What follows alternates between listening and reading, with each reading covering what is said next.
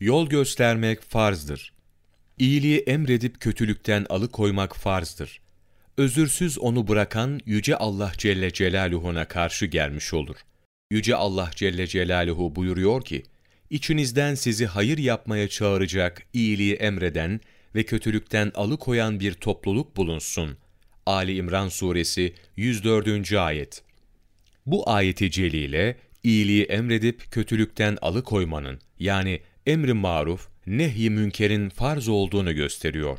Fakat farz-ı kifayedir, yani bir kısım insanların bununla uğraşması yeterlidir. Ama hiç kimse tarafından yapılmaması halinde bütün insanlar günah işlemiş olur.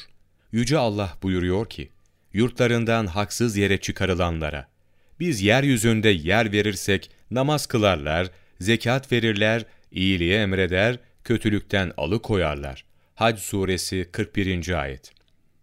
Bu ayeti celilede iyiliği emredip kötülükten alıkoymayı, namaz ve zekatla beraber bildiriyor ve din sahiplerini bu vasıtayla tanıtıyor. Peygamberimiz sallallahu aleyhi ve sellem buyuruyor ki, iyiliği emredin ve kötülükten alıkoyun.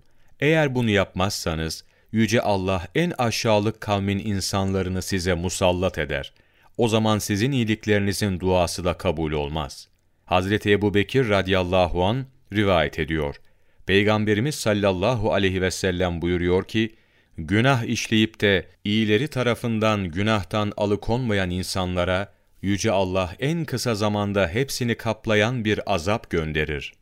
Peygamberimiz sallallahu aleyhi ve sellem buyuruyor ki, bütün iyi işler Allah Celle Celaluhu yolunda savaşma yanında denizde bir damla gibidir.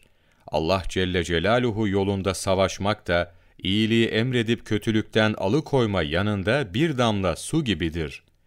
Peygamberimiz sallallahu aleyhi ve sellem buyuruyor ki, herkesin söylediği sözün cezası kendinedir.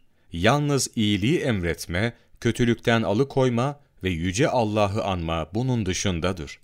İmam Gazali, Kimya-i Saadet, sayfa 327, 24 Temmuz Mevlana takvimi